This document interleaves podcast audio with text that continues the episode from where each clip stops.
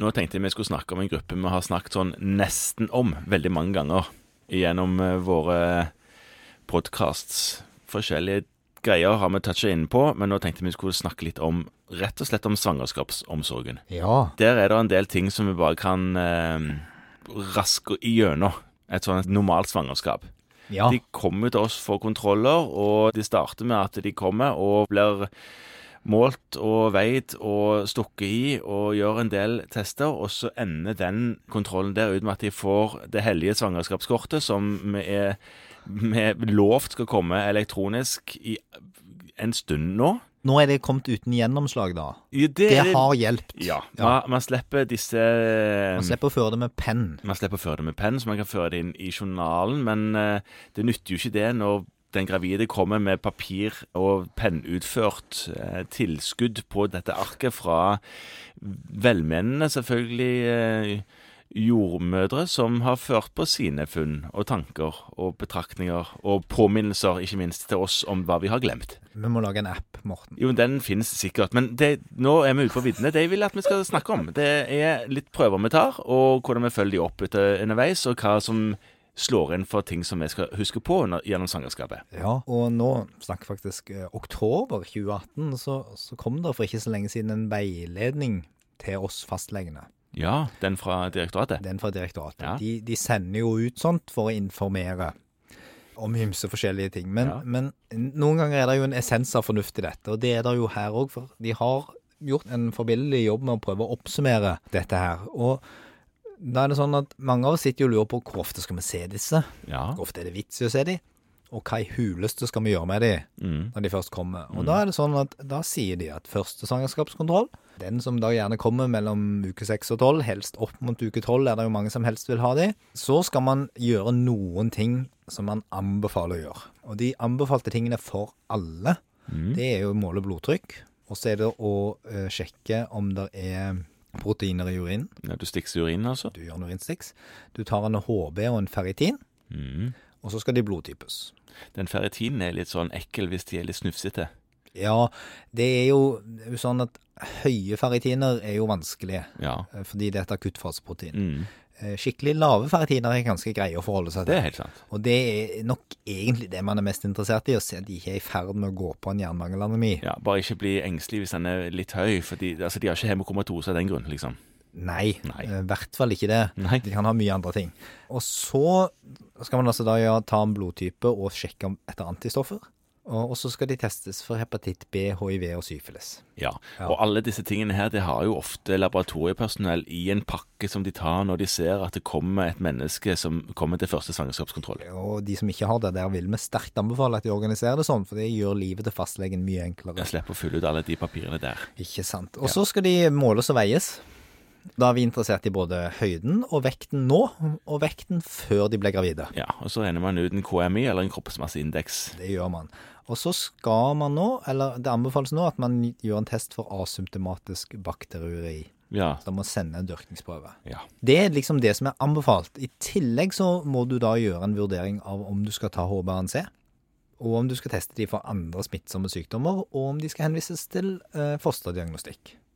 Og alle de tingene der har vi vel snakket om i andre postkasser? Det- Det har vi gjort i andre postkasser, ja. Postkasser, ja. ja. Eh, Så det er viktig. Og så skal man jo som lege da under denne samtalen prøve å gjøre en avdekning av om det er andre faktorer som kan gjøre dette svangerskapet enten komplisert eller risikofylt. Mm. Og det, det er noen viktige ting. Det ene er jo på en måte alkohol, tobakk og rusmidler. Det bør man skaffe seg et bilde av. ja. Er denne kvinnen i noe spesiell form for arbeid som kan bli risikofylt etter hvert? Er hun inaktiv? Det er kjemperisikabelt hvis man er gravid og, og inaktiv. Det bør man sterkt anbefale å få gjort noen ting med. Slutte med den inaktiviteten. Ja, altså det umiddelbart opphør av all inaktivitet er en ganske fornuftig ting. Og kosthold og så videre. Så det er litt der som det egentlig legges opp til at vi skal iallfall skaffe oss et bilde av. Og det er vel derfor man òg får litt ekstra betalt for den første svangerskapskontrollen i en egen takst. Ikke sant? 217A. 217A. Og så bør man henvise de til en ultralydterminsetting. Ja, for det kan man gjøre allerede nå. Det kan man Eller gjøre da. bør man egentlig gjøre det bør man gjøre nå? for nå begynner jo tiden å gå. Ja.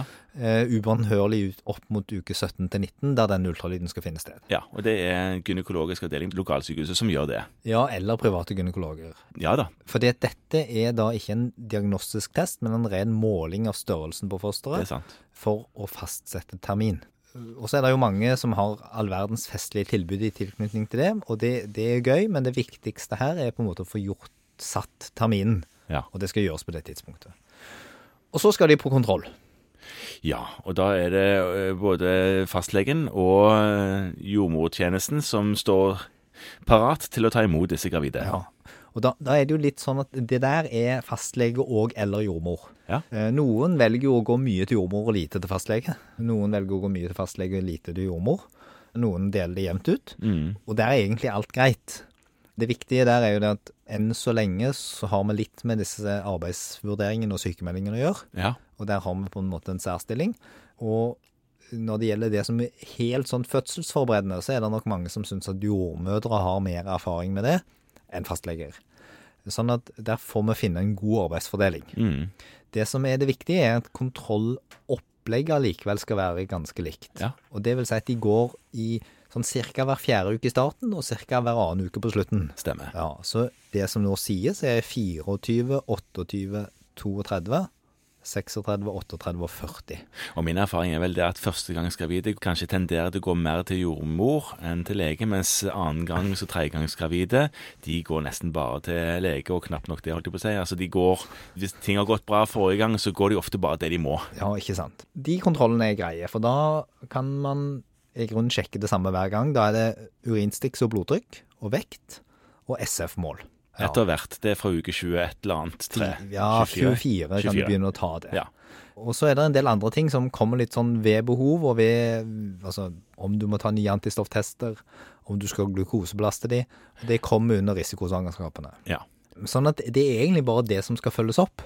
Men det er én ting til, og det er denne evinnelige maset fra Nav om å få en bekreftelse på ultralydtermin. Og Det Ja. kan du ikke skrive i uke 26 eller 27, det må komme i uke 28. Det kommer i uke 28. Så da må du gjøre det. det. Det er egentlig veldig greit, fordi den kommer nok den gravide til å komme og spørre etter, for de får ikke lov til å søke Ja om fødselspengene sine før de på en måte har fått denne testen. Mot slutten av svangerskapet så må man jo være litt ekstra obs i forhold til dette med leie.